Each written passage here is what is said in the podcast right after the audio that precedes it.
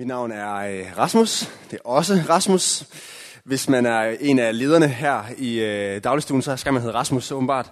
Det kan I bare prøve øh, med nogle af lederne her i øh, kirken, nogle af præsterne. Bare gå hen til Lars Midtgaard, vores præst. Hej Rasmus. Så øh, er han sygt forvirret. Øh, hvad hedder det? Øh, jeg øh, elsker dagligstuen, og jeg har virkelig glædet mig til i aften til at starte igen. Øh, jeg synes, det er så fedt at være her. Også fedt at starte sidste uge med øh, at hygge sammen og øh, quiz og spille spil og sådan noget sammen. Fedt, at vi bare har et fællesskab, og vi virkelig er sådan en familie, og vi kan mødes i dagligstuen og hygge sammen. Men jeg har faktisk endnu mere kick over det her. Ikke? At vi mødes herinde for at løfte vores blik og se hen mod ham, som det hele handler om. Øhm, ja, og det er det, vi skal nu. Øh, og jeg synes, vi skal starte med lige at bede sammen. Far, vi takker dig for, at vi får lov til at øh, samles her. Og jeg beder lige nu for, at du må komme med, med det, som vi har brug for at høre, Jesus. Og øh, også lige i aften, hvor jeg skal tale om det her emne, som også er kontroversielt. Jeg beder for, at du må komme, Helligånd, øh, og hjælpe mig med at sige det, der skal siges, og ikke et ord mere eller et ord mindre. I dit navn, Jesus. Amen. Okay, det er nemlig sådan, at vi her i øh, vores kære dagligstue, vi kører sådan nogle serier. Og øh, nu starter vi nemlig på en serie, som vi kalder Kristne tager fejl. Som er sådan nogle indvendinger imod kristendommen. Fem forskellige indvendinger imod kristendommen. Øh, hvor vi i aften skal snakke om det her med, at kristne er intolerante. Altså det er nogle ting, som andre vil sige om kristne. Som nogle af jer, måske mange af jer, har oplevet, at folk direkte eller indirekte øh, siger omkring kristendommen eller kristne. Og jeg skal nok komme ind på, hvad det der intolerant er for noget. Eller næste uge, hvor Rasmus, den anden Rasmus, sygt forvirrende, der var engang en, der kom til mig, dengang Rasmus han kom til, øh, og blev ansat, og sagde til mig, øh, stort tillykke med ansættelsen. Ja, tak, tak, tak. Det er sygt forvirrende, jeg ved det godt, sorry. Øh, han skal tale om, at kristne er regelbundne. Det er der mange, der tænker, at det bare handler om regler, det hele for kristne. Hvad du må og hvad du ikke må. David Jacobsen, som er øh, lektor øh, på øh, Aalborg Universitet, skal komme og tale om, at kristne er uvidenskabelige. Det her med at tro og videnskab hænger ikke sammen, er der mange, der siger, ikke også? Og passer det virkelig? Hmm. Og så skal jeg igen tale omkring det her med, at kristne er snæversynet. At de ikke ønsker at se andre ting, end bare det, de tror, de ser. De har de her klammer på. Og så kommer Michael Nygaard, en af vores øh, gode venner fra øh, Indre Mission, øh, og taler om det her med, at kristne er dobbeltmoralske. De siger én ting, men de gør noget andet. Og øh, den her serie er mega spændende, og også sådan ret øh, kontroversiel, ikke også? Det er det den varme kartoffel, vi tager fat i her. Og øh, det er så mange, som går og tænker om kristendommen. Og måske også noget, noget af det, der gør, at folk måske holder igen i forhold til kristne og kirke og sådan noget. Så vi håber, at I, jer, der kommer i kirken her, har, har lyst til at invitere jeres venner. Kristne, som ikke-kristne, som alt det, der er derimellem. Øh, og komme til de her ret spændende aftener, som jeg tror på, at det bliver. Vi ønsker bare som fællesskab at være et åbent fællesskab, og jeg synes selv, at det er noget af det fede ved Betel. Noget af det, som jeg har hørt øh, en del sige gennem årene, er, at Betel er sådan et sted, hvor der er plads, og der er sådan en rummelighed. Og det er så fedt, og det håber jeg, at vi kan blive ved med. Og der er også bare lyst til at sige til jer, som er øh, gamle Betel eller dagligstuefolk, Tag også rigtig godt imod de nye, øh, fordi der kommer en del nye her, særligt i starten af semesteret. Og alle jer, der er nye, allerede her i aften, rigtig hjertelig velkommen til. Øh, uanset hvem du er, så er du velkommen her. Og vi, øh, vi elsker at have nye, og vi elsker at øh, være den her familie, hvor der kommer nye til. Øh, så rigtig hjertelig velkommen til. Og det, vi så skal snakke om i aften, er det her med, at kristne er intolerante. Det er altså den første øh, indvending imod kristendommen, vi skal tage på her i aften. Og hvad betyder det, at kristne er intolerante? Hvad er det hvad for en indvending, folk har imod os, der er kristne? Det, der ofte bliver sagt, er, at kristne er sådan nogen, der ikke tolererer andre. Altså ikke accepterer andre, som de er. Nogen, der øh, sætter regler, som vi også skal komme lidt mere ind på senere i den her serie, øh, som ikke accepterer mennesker, der er forskellige, øh, og det er da overhovedet ikke kærligt. Hvis jeg er forskellig, og du ikke tolererer mig, så er det slet ikke kærligt. Og er kristendommen ikke noget, der burde have kærlighed, som det, det hele handler om? Er det ikke det, jeres Gud er? Gud er kærlighed, er der også mange, der ved. Og hvad med det med at dømme andre?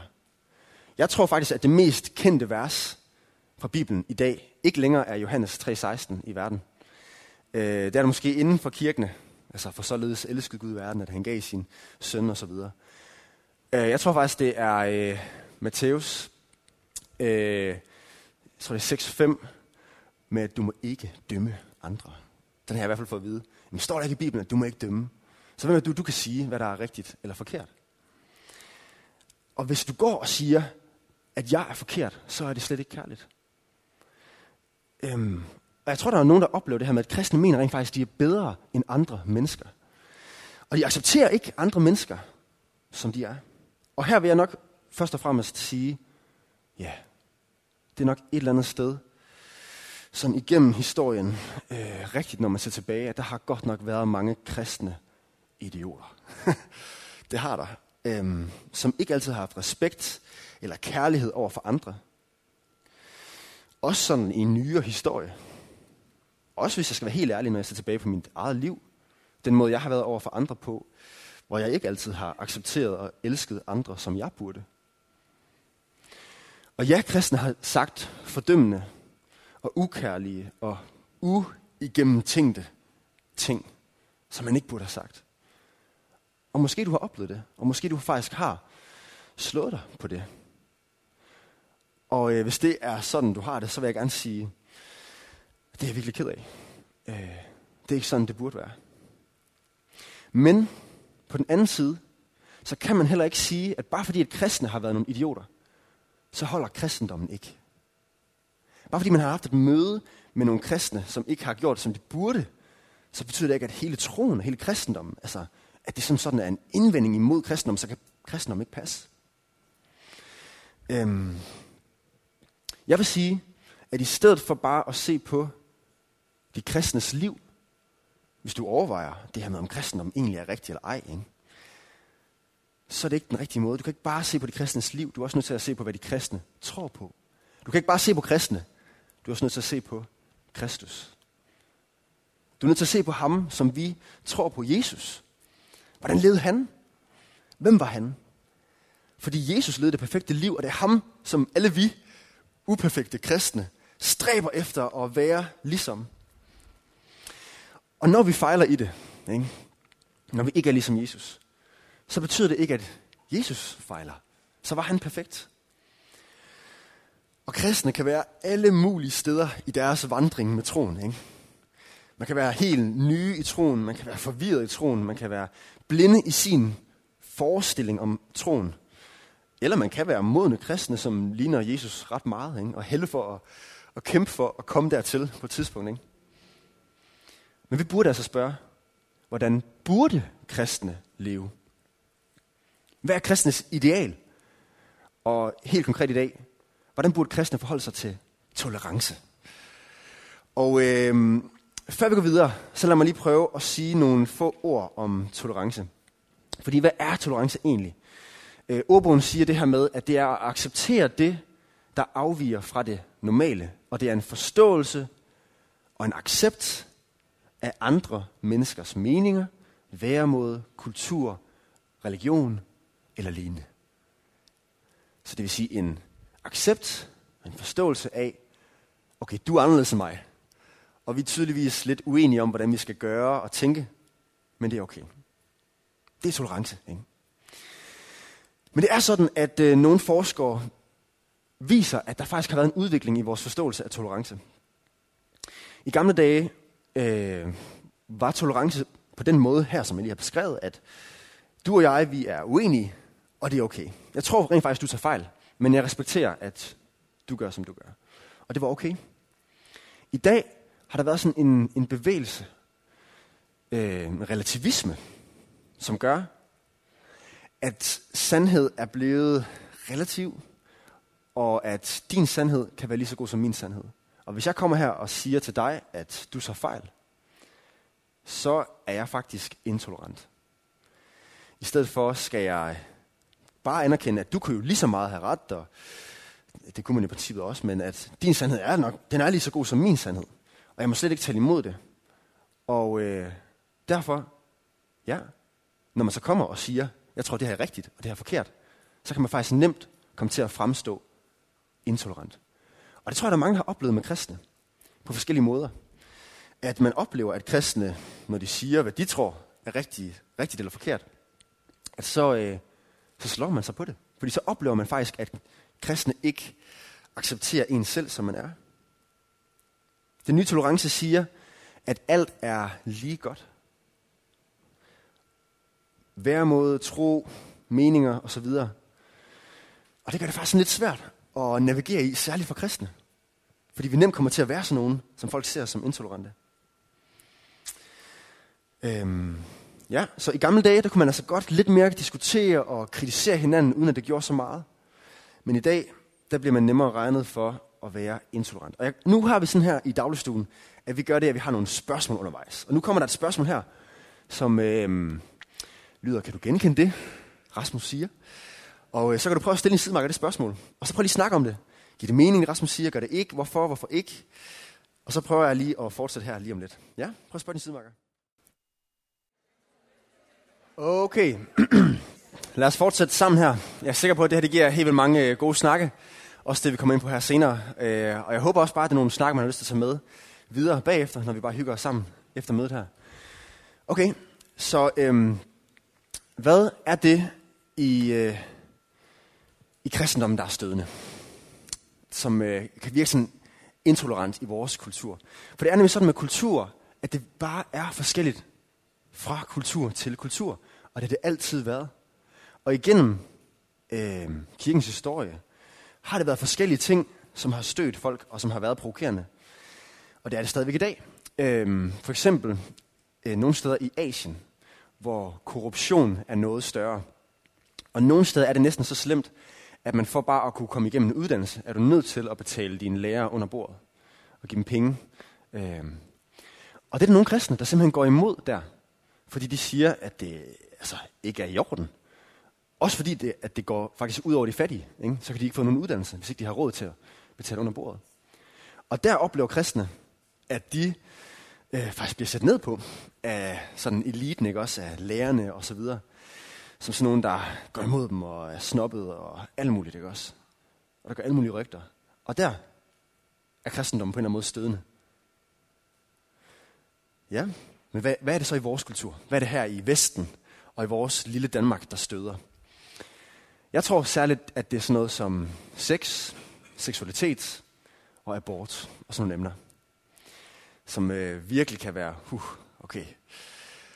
Og øh, jeg har ikke tænkt mig at gå ned i sådan de her emner i dag, og det er ikke fordi, jeg ikke vil snakke om dem. Øh, jeg må rigtig gerne komme og spørge bagefter, men jeg tror, jeg vil prøve at tage en lidt anden approach i dag, lige sådan lidt mere meta, lidt mere ovenfra, og snakke om generelt, hvordan er det, vi skal takle det her med det intolerante. Øh, også fordi, jeg tror måske, det vil blive lidt for hurtigt til at snakke om sådan nogle sårbare emner. Så skulle man næsten have en hel gang til at snakke om hver ting. Øh, så jeg tror, at øh, nogle af de her ting, jo, jeg kan sige det her.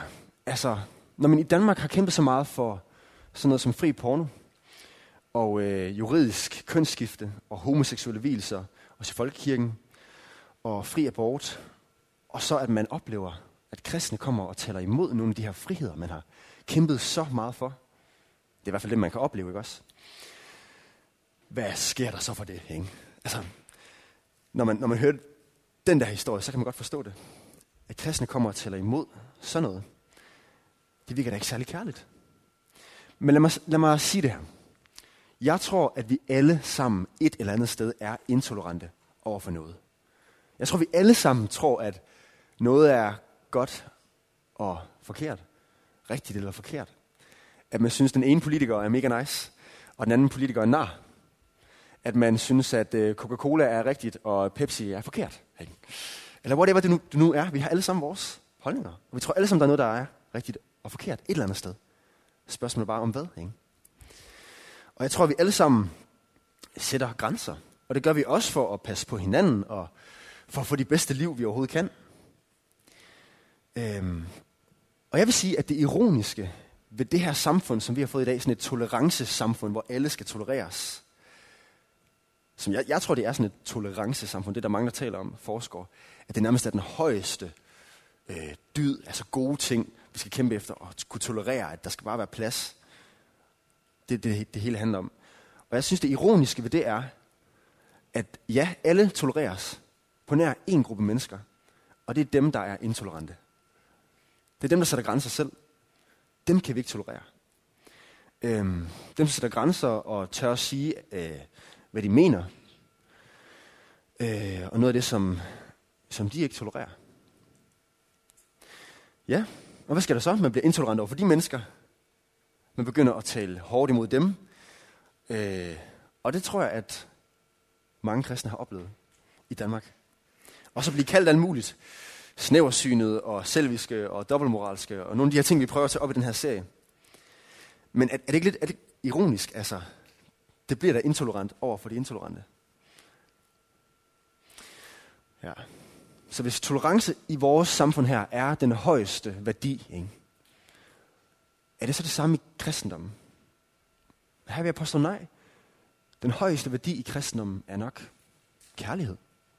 Og elske andre mennesker. Og det er ikke den kærlighed, der bare accepterer alt. For det kan faktisk nogle gange være ukærligt. Det mest kærlige, man kan gøre nogle gange, er faktisk at sige sandheden. Også selvom at det er stødende. Også selvom det gør ondt. At man sætter nogle grænser. Og et godt eksempel på det her er jo gode forældre, der sætter grænser over for deres børn. Ikke? Fordi de ved, hvad der er godt for deres børn. De sætter nogle grænser. Det er kærligt. Ikke? Lad os tage et eksempel her. Med en far, som øh, har små børn. Lad os sige, at øh, de beslutter sig for at få bygget et hus her ved stranden. Ja, det er fjollet. Øh, det gør man ikke. Det holder ikke så længe og øh, alt sådan noget. Helt fint. Men øh, nu det er bare lige for eksempel skyld. Og øh, han har de her helt små børn, som er sådan nogle øh, snot dumme børn, der ikke kan sige noget. Øh, helt, helt små, ikke også? Okay, de kan lige sige øh, nej og min og lad mig nu være din idiot, jeg er på vej ned til vandet, agtigt. Øh, det er sådan, de kan, de kan ingenting vel. De er helt, helt små, og de, de ved ikke noget. Øh, og så vil de nemlig gerne bare ned til vandet ja, og lege. Og faren her, i det her hjem, han vil gerne bare give dem plads til at, øhm, at lege frit, så han ikke hele tiden skal se efter dem. Hvad vil så være det mest kærlige for den her far at gøre? Men det ville være at sætte nogle grænser. I det her tilfælde måske at sætte et hegn op. Så at børnene ikke kommer ned til vandet. Øh, og drukner, ikke også? Øh, eller det kunne være et andet eksempel med, at man sætter et hegn op ud til en trafikeret vej, for at børnene ikke løber ud og bliver kørt ned. Eller det kunne være, at man som forældre øh, ikke lader sine børn spise to kilo slik om dagen, fordi det ikke er godt for dem. Øh, eller de bare får lov til at game 24-7, eller hvad nu det er. Man sætter nogle grænser, fordi man elsker dem. En kærlig far sætter hegn op. Og der tror vi som kristne på, at Gud er vores far. Og han er en far, der elsker os. Og han er også en, der siger ja og nej, der siger, det er det rigtigt, og det er det forkert. Og når han siger det, så er det fordi, han elsker os. Det tror vi på. Vi tror, at det er for vores eget bedste, at han gør det. Ja. Øhm. Og som kristne, så tror jeg også, det er godt, at vi også tør stå ved det her, som vores gode far siger til os. Og at vi også ja, tørster stå ved det over for andre. Nogle gange er det simpelthen det mest kærlige, man kan gøre. Øh, nok mit yndlingsband, Cast, Casting Crowns, de har sådan en sang, hvor de synger det her. When we love, we earn the right to speak the truth. Så når man elsker andre, ikke? ligesom når du har en god ven, du bare ved, han holder bare af dig, så har den gode ven også bare ret til at sige sandheden til dig. Er det ikke rigtigt? Altså, for eksempel, hvis du ikke ser helt vildt godt ud i det tøj, du har på, så vil man egentlig gerne have en god ven til at sige det til en. Ikke? Øhm, og det samme med de større spørgsmål. Hey, jeg tror rent faktisk, at Gud findes. Og jeg tror rent faktisk, at han har det bedste for dig. Det der, det kan faktisk nogle gange være det mest kærlige at sige. Og det siger her bagefter i sangen, When we speak truth, we show the world we truly love. Det er et tegn på ægte kærlighed. Bare lade folk være, det er altså ikke altid kærlighed. Og så synger de det her. I'm not pointing my finger. I'm holding out my hand. I lay it all on the line now. Altså, jeg sætter alt to see God save my friend. Let my life and my words be the proof. I'm gonna love you with the truth. Okay, er jeg klar på et spørgsmål mere? Tror du på, at det kan være det mest kærlige at sige tingene, som det er? Og hvorfor? Prøv at spørge de sidemarker. Okay, er det nogle spændende snakke? Fedt. Uh, her i kirken, der elsker vi Bibelen, og øh, nu skal vi til at læse Bibelen sammen. Vi tror på, at Bibelen er Guds ord, og at øh, det giver os liv og glæde og håb. Og hvis jeg Bibelen med, må I gerne slå op. Vi skal læse en historie fra Apostlenes Gerninger 4 i dag. Uh, man må også gerne tage sin telefon frem med Bibel-appen, eller lige downloade den og følge med. Det er så fint. Og ellers så kommer den herop på PowerPoint. Øh, vi skal læse en historie fra øh, Apostlenes Gerninger 4, 8, hvor der er sket det, at Jesus han er død, begravet og opstået, og gået rundt og viser for sine disciple, over 500 mennesker har set ham opstå fra de døde, og det var virkelig ham, fordi han havde huller i hænderne og i fødderne, ikke også? Han var jo korsfæstet, men stod op fra de døde, og det var fuldstændig sindssygt, og der var kaos i Jerusalem der, og så stiger han til himmels, Jesus, og disciplene blev ved med at gå rundt og påstå, at de har set Jesus stå op fra de døde. Og de oplever, at der sker mirakler. Og på et tidspunkt beder disciplene for en mand, der er øh, over 40 år, øh, og har været lam hele sit liv. Og han bliver rask. Og han rejser sig op, og det er jo fuldstændig sindssygt. Han har siddet der i Jerusalem hele sit liv. Alle kender ham, ikke også? Det er ham manden derovre. Og øh, så render han rundt. Hvad foregår der? Han er blevet rask. Og så opdager folk, at det er de der, der har været sammen med Jesus. Det er de kristne. Og øh, hvad sker der for det? Og øh, så bliver de kristne arresteret efter at Peter, disciplen Peter der, han har holdt en mega fed tale, en prædiken. Øh, den kan I prøve at læse i kapitel 3 der. Øh, så bliver de arresteret, og øh, så kommer de for en retssag. Og det er over for de her myndigheder i Jerusalem. Og her fra vers 8, der sker der så det, at Peter han svarer dem her. Apostlenes Gerninger 4, 8. Fyldt af helligånden. Så her kommer Gud på en eller anden måde og inspirerer øh, Peter. Så svarede Peter dem. Så de, de har fået anklagen imod dem, at, øh, at de laver ballade, og at de poster alt med Jesus. Og så svarer han, folkets ledere og ældste. Det er dem, han taler til. Når vi i dag bliver forhørt på grund af en velgærning imod en syg mand, hvordan han er blevet helbredt. Jeg synes, det her det er sådan lidt flabet, men også sandt, ikke også? Altså, en mand er blevet helbredt, og I sætter os i fængsel for det. Øhm, han siger, ja, så skal alle, så skal I alle ja, hele Israels folk vide, at det er Jesu Kristi Nazareans navn, ham som I korsfæstede. Det er faktisk lidt provokerende. Øh, men som Gud oprejste fra de døde, at denne mand står rask foran jer. Så Peter han siger også her, det var ikke os, der gjorde det der. Det er Jesus, som I troede, I kunne slå ihjel. Ikke? Hvad selve? Jesus er den sten, som blev vraget af jer bygmestre, men som er blevet hovedhjørnesten. Altså, I troede, han var ingenting værd, men i virkeligheden drejer det hele sig om ham. Og hvis ikke man bygger det hele på ham, bygger sit liv og sin tro på ham, så falder det hele sammen. Ikke? Han er hovedhjørnestenen. Vers 12. Og der er ikke frelse i nogen anden. Ja, der er ikke givet noget menneske. Ja, der er ikke givet mennesker noget andet navn under himlen, som vi kan blive frelst ved. Så Peter han påstår, den eneste måde, vi kan blive reddet på, vi kan blive sat fri på, og leve sammen med Gud og få mening med livet og alt det her, vi som mennesker lever efter blive frelst, det er igennem ham. Det er igennem Jesus. Ikke? Han prædiker for dem lige her til øh, den her retssag. Han fortæller dem om Jesus. Og så siger han, så står der her i vers 13. Øh, Men da de så Peters og Johannes' frimodighed, og blev klar over, at de var jævne og ulærte mænd, undrede de sig. Hvad foregår der, ikke? De vidste, at de havde været sammen med Jesus. Prøv lige at lægge mærke til det her.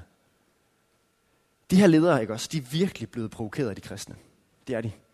De kristne går og påstår alt muligt, ikke også. Det, der var stødende her på det tidspunkt, det var ikke sex og seksualitet og abort og sådan noget. Det var, at de sagde, at Jesus var kongernes konge, og han var Gud, og ikke Caesar, som man ellers troede på det tidspunkt, hvor man havde en, øh, gudedyrkelse af Caesar. Han var Gud. Sygt provokerende på det tidspunkt ikke også. Men det stod de ved. Og det er derfor, de var i retten her. Og alligevel, så sker der det her. Der står, at de lå mærke til de her ting. De så de her ting, at de var frimodige. Altså, de virkelig havde mod. Og de var glade. Og det var på trods af det her, at de var helt normale folk, ikke også? De var jævne og ulærte mænd. Der var fiskere og alt muligt. Og alligevel gjorde de alt det her. Og så vidste de, at de havde været sammen med Jesus. Til jer, der er kristne, hvor ville det være vidunderligt, hvis det var det, som folk så i os. At de så, at vi havde noget af Jesus i os, at vi havde været sammen med ham, at vi blev smittet af ham.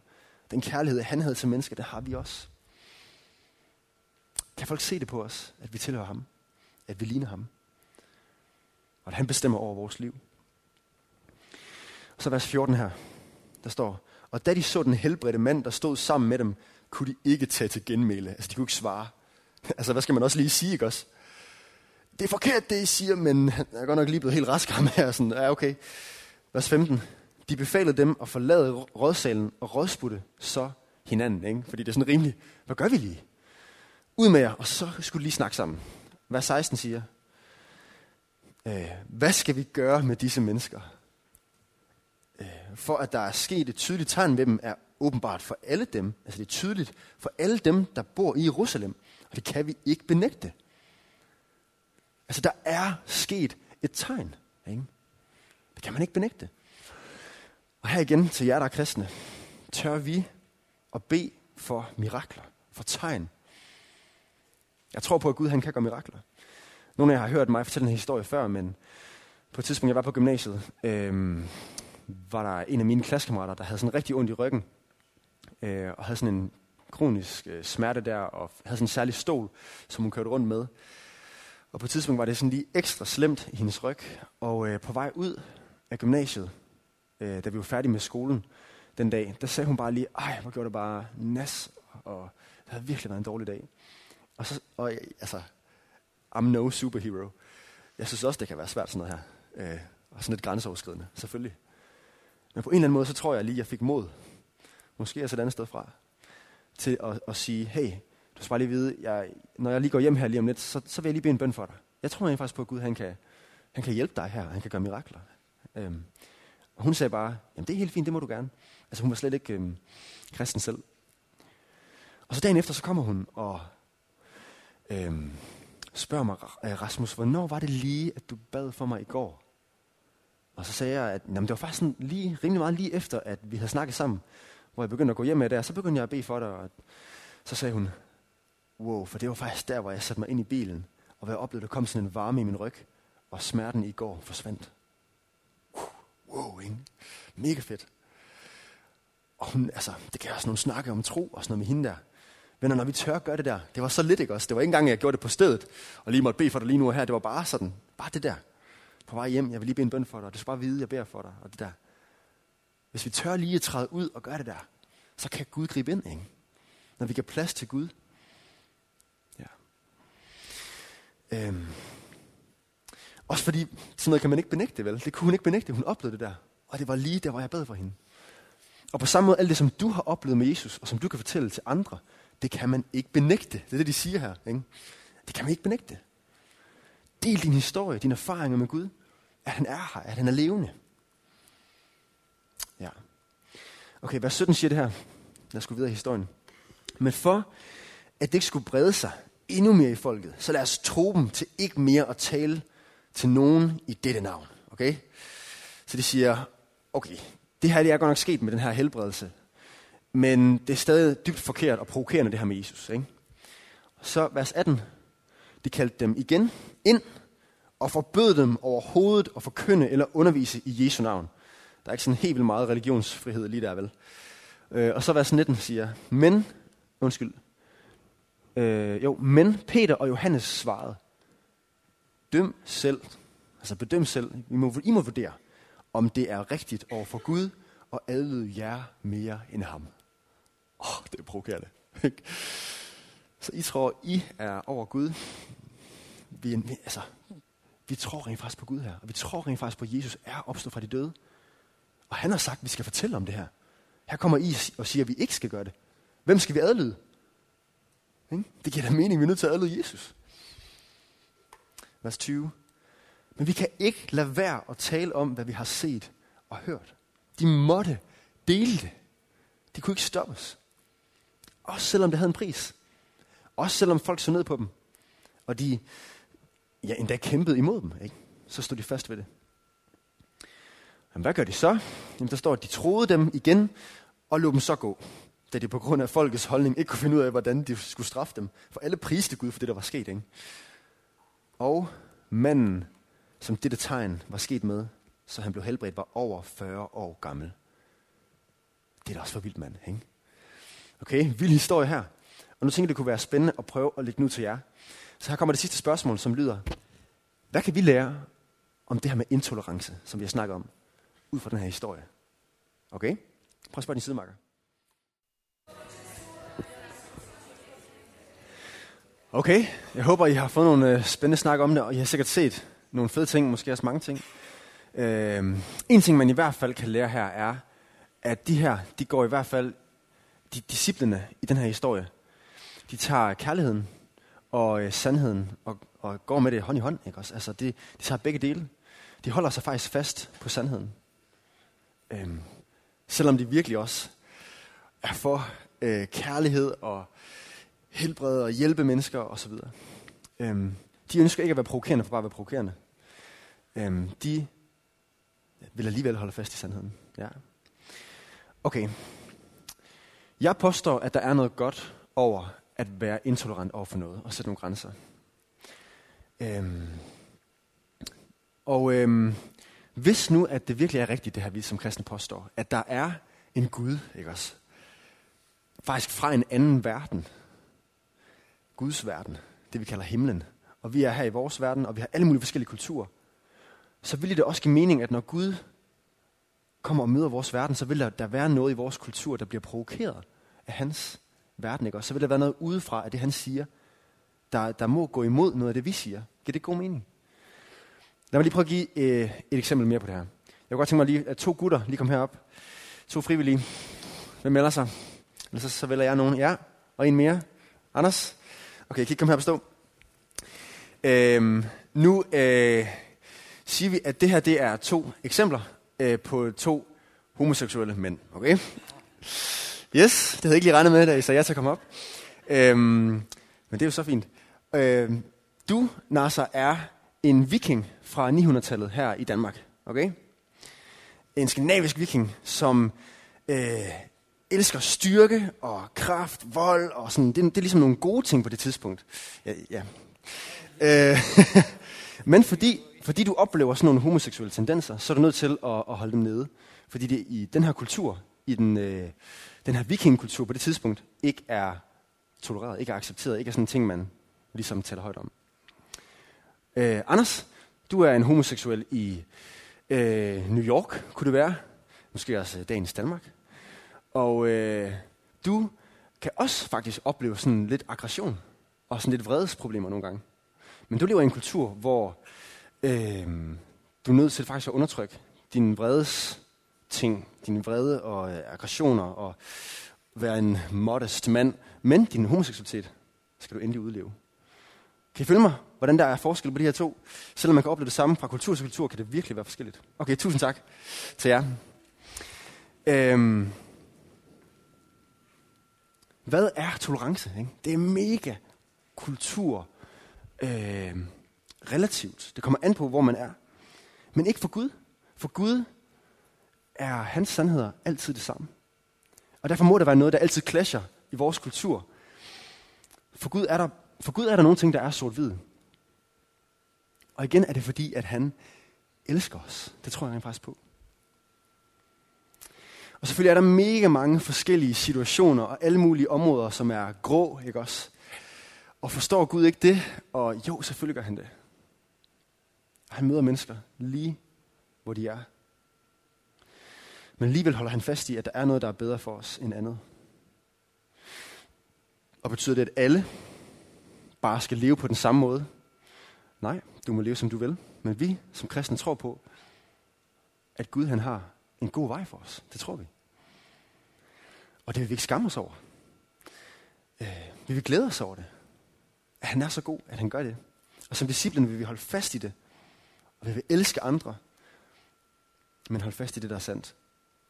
Og til jer, der er kristne, så vil jeg bare sige, øj men i det her er det bare så vigtigt at blive med at være tålmodige og kærlige og overbærende, og vi ikke kommer med den der løftede pegefinger over for alle. Og det er virkelig en balance. Stå fast på sandheden, uden at være bare fordømmende. Ja. Hvis du bliver provokeret allerede, selvom vi ikke engang er gået sådan helt ind på emnerne, så øh, er det ikke mig, du skal angribe. Don't kill the messenger. Altså, jeg er bare budbringer her, ikke også? Jeg tror, jeg tror faktisk, jeg vil sige, bring det til Gud. Hvis du har noget, du wrestler med, så kom med det til Gud. Han kan faktisk godt tåle det. At du kommer med din frustration til ham. Han kan klare det. Og måske vil du opleve, at Gud også møder dig i det og bløder dig op. Og at du måske også ser noget af hans kærlighed til dig i de her grænser. Ja. Og hvor er det bare vigtigt, at vi møder mennesker der, hvor de er. Og græder med de grædende, som Bibelen siger. Og glæder os med de glade. Forstår deres situation og hjælper og beder for dem. Og fortæller dem om vores kærlige far. Ikke? Ham vi kender og som vi elsker. Han elsker os så meget, at han døde for os. Han gav sit liv for os, for at købe os fri. Og det er det, vi skal til at øh, fejre nu her. Vi skal nu til at fejre nadvåren, som er egentlig bare et gammelt ord for øh, aftens måltid. Som jo var det, det var den sidste aften, før Jesus han døde. Hvor han havde måltid med sine disciple her, som vi har hørt om. Og han sagde til dem, venner, nu skal jeg dø. Og øh, ligesom at brødet blev brudt af Jesus, og som jeg har tænkt mig at gå lige om lidt herned og, og bryde det brød, der står der, så er det symbol på Jesus' krop, at den skulle brydes, den skulle ødelægges. Han skulle hænges på korset og dø i stedet for os. Og saften her, vinen, øh, vi har bare saft her, er et symbol på, at øh, Jesu blod, og at det skulle løbe for os. Ikke? Og vi spiser, og vi drikker det her, vi mindes, hvad han gjorde for os.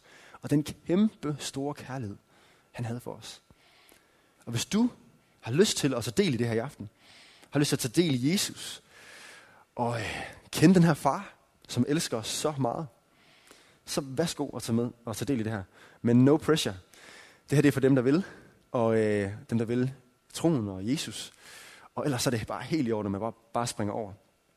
Øh, ja, nu vil lovsangerne komme op og, øh, og spille lidt imens. Og så synes jeg lige, vi skal, vi skal bede sammen her til sidst. Far, vi siger dig tak for, at du elsker os så meget, at du tør sige tingene, som det er. Tak, Jesus, at ja, du giver, du sætter grænser. Far, vi, vi ønsker at lytte til dig, vi ønsker at tage imod dig og kende dig. Og vi ved, at det kan være svært også at være kristen i Danmark i dag.